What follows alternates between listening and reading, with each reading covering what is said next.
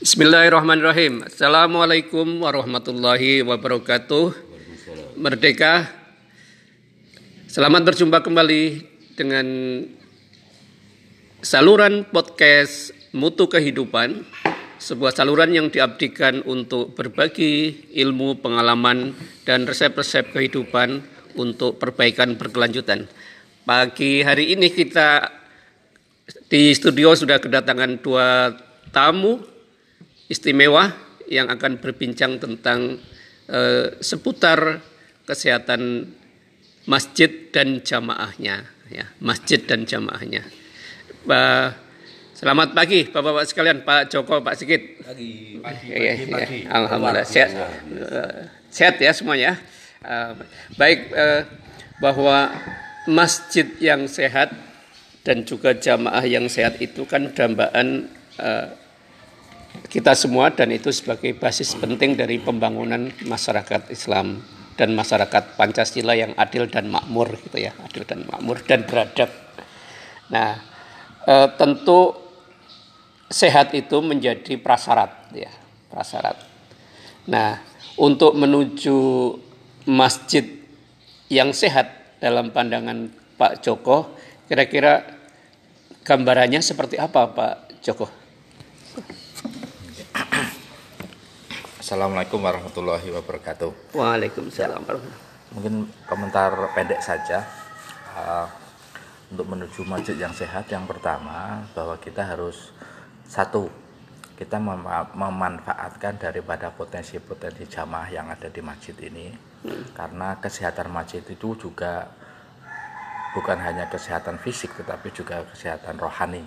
Hmm artinya kesehatan rohani itu kita harus punya pikiran-pikiran yang positif punya apa pikiran untuk membangun pikiran untuk inovasi pikiran untuk uh, pengembangan dari masjid itu itu hmm. adalah fungsi juga uh, kesehatan masjid dalam hal uh, pemikiran yang kedua dalam hal fisik kita punya banyak sumber daya berkenaan dengan jamaah yang ada di sini. Ya. Sumber daya kesehatan misalnya, dan ini perlu untuk kita berdayakan, ke, kita ambil uh, kepeduliannya, kita minta kepeduliannya untuk bisa bersama-sama me, menghadirkan masjid itu di segala aspek. Salah satunya adalah aspek kesehatan. Uh, realnya mungkin kita bisa mendorong mereka-mereka yang punya basic kesehatan untuk bisa e, berkontribusi misalnya pemeriksaan, konsultasi ataupun dalam hal edukasi terhadap jamaah. Hmm. Ya, pemeriksaan kita bisa melakukan pemeriksaan misalnya gula darah, hipertensi, cek darah, e, mungkin asam urat dan lain sebagainya.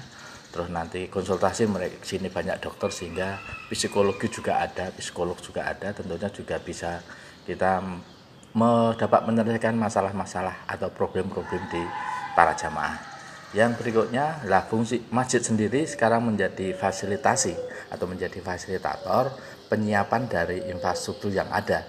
Jadi eh, ini juga dalam rangka untuk eh, apa ya tasaruf kita, tasaruf kita atas, atas apa yang sudah diberikan diinfakkan kepada masjid untuk kita tasaruf, tasarufkan terhadap didistribusi ulang gitu ya? distribusi ulang dalam uh, dalam hal kesehatan.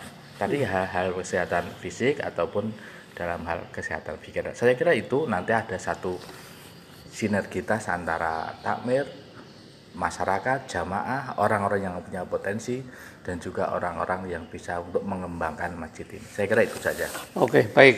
Uh, jadi masjid sehat itu masjid uh, sehat fisik masjidnya sehat manajemennya dan sehat jamaahnya.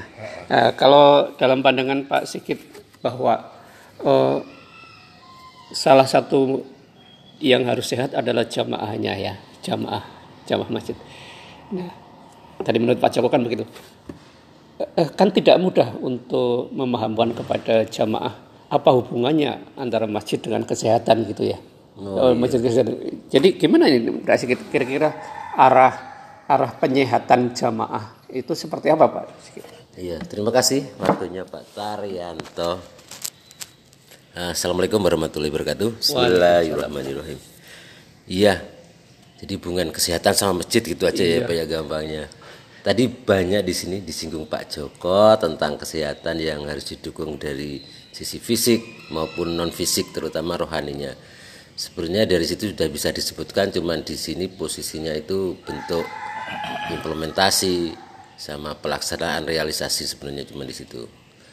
Jadi kalau kita melihat dari kondisi masjid kita, uh, di sini prasarana fisik insya Allah sudah bagus. Cuman bagaimana perawatan dari para jamaah juga para takmirnya. Dan untuk menunjang itu harus didukung dengan uh, jamaah yang sehat.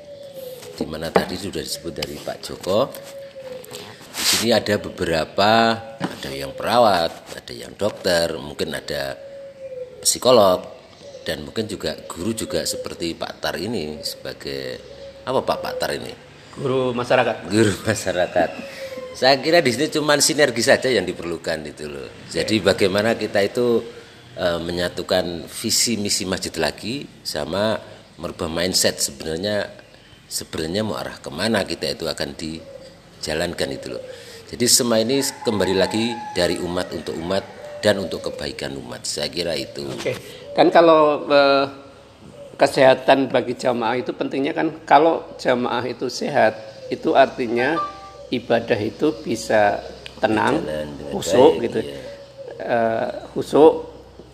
Tapi kalau misalnya jamaah tidak sehat kan ya batuk, bersin, gerak-gerak, yeah. teklak-tekluk dan sebagainya itu kan. Itu artinya ibadah kan menjadi terganggu. Nah, bagi, itu kan upaya-upaya yang sebenarnya bisa di, dilakukan kan gitu. Dan e, pemeriksaan kesehatan itu menjadi bagian termasuk penting, prioritas. Prioritas ya. E, e, tapi seberapa mungkin jamaah kita itu membutuhkan itu Pak Sikit? Kalau mereka merasa bahwa e, fasilitas kesehatan tempat lain kan masih banyak. Uh, di sini kita melihat dari fungsi masjid yang bisa mengayomi masyarakat. Saya sebut mengayomi kayak kehakiman aja. Tapi di sini memperhatikan dari jamaahnya. Karena di sini tadi disebutkan ada sodako yang masih perlu dikelola dengan baik. Itu biar nanti apa ya pahalanya segera mencair kepada para apa itu sodakoternya itu. Ya. Nah di sini sebenarnya sudah kita coba kemarin bapak tar itu di masa pandemi ini bahwasanya kita sudah kondisikan dengan salah satu dokter di perumahan ini untuk kebutuhan obat satu paket untuk penderita pandemi. E, kemarin sudah kita distribusikan dan karena sempat terjadi pemberian yang bersamaan dengan dari desa puskesmas akhirnya kita lihat dulu. Hmm. jadi posisi kita itu cocoknya di mana? Akhirnya sedikit kita buat wacana nanti kita akan buat layanan kesehatan ke umat. Ya kalau misalnya disederhanakan begini mbak Sigit. Selama ini kan uh, uh, infak infak sodako yang terkumpul di masjid itu arahnya kan untuk misalnya uh, an anak yatim fakir miskin kayak gitu. Nah kalau misalnya uh, uh, infak sodako yang terkumpul di masjid kemudian diarahkan untuk penyediaan sarana dan proses kesehatan jamaahnya itu apakah e, jamaah tidak merasa terganggu Pak? Kok uh, dari infak kok malah jadi sarana kesehatan itu? Ya insya Allah mereka itu berniat dengan keikhlasan. Jadi di mana di situ ada sebuah kebaikan, saya kira mereka welcome welcome saja, Pak. Ini tergantung uh, keputusan ya. di manajemen masjid. Iya transparansi di sini. Oke. Okay. Iya. Baik. itu ya. saya kira kalau masalah alokasi dana ke mana sebenarnya untuk kebaikan umat, insya Allah mereka bisa menerima. Dan saya kira jamaah di sini juga ya welcome, cuman tinggal menunggu saja program berikutnya itu, Pak. Uh, Pak Joko dalam hal ini kan artinya uh, fungsi masjid sehat dan juga jamaah sehat itu sesuatu yang bisa diupayakan, ya, bisa diupayakan dan berangkat dari uh, diskusi-diskusi kita kemudian akan direspon oleh uh, takmir dan pada akhirnya takmir akan menindaklanjuti dengan uh, tim pelaksana ya di seksi-seksi yang ada ya. Tentu tentu ini butuh kuncinya di komunikasi ya. Yeah. Komunikasi dan koordinasi. dan koordinasi sehingga kemudian berbagai hal yang didiskusikan di sini akan bisa berlanjut ke tingkat operasional dan bermanfaat bagi kesehatan masjid dan jamaahnya. Saya kira begitu. Terima kasih atas uh, diskusi pagi di podcast Mutu Kehidupan ini. Semoga bermanfaat dan kita akhiri dengan hamdalah bersama-sama. Alhamdulillahirrahmanirrahim. Assalamualaikum warahmatullahi wabarakatuh. Waalaikumsalam warahmatullahi wabarakatuh. Terima kasih minumnya. Ya.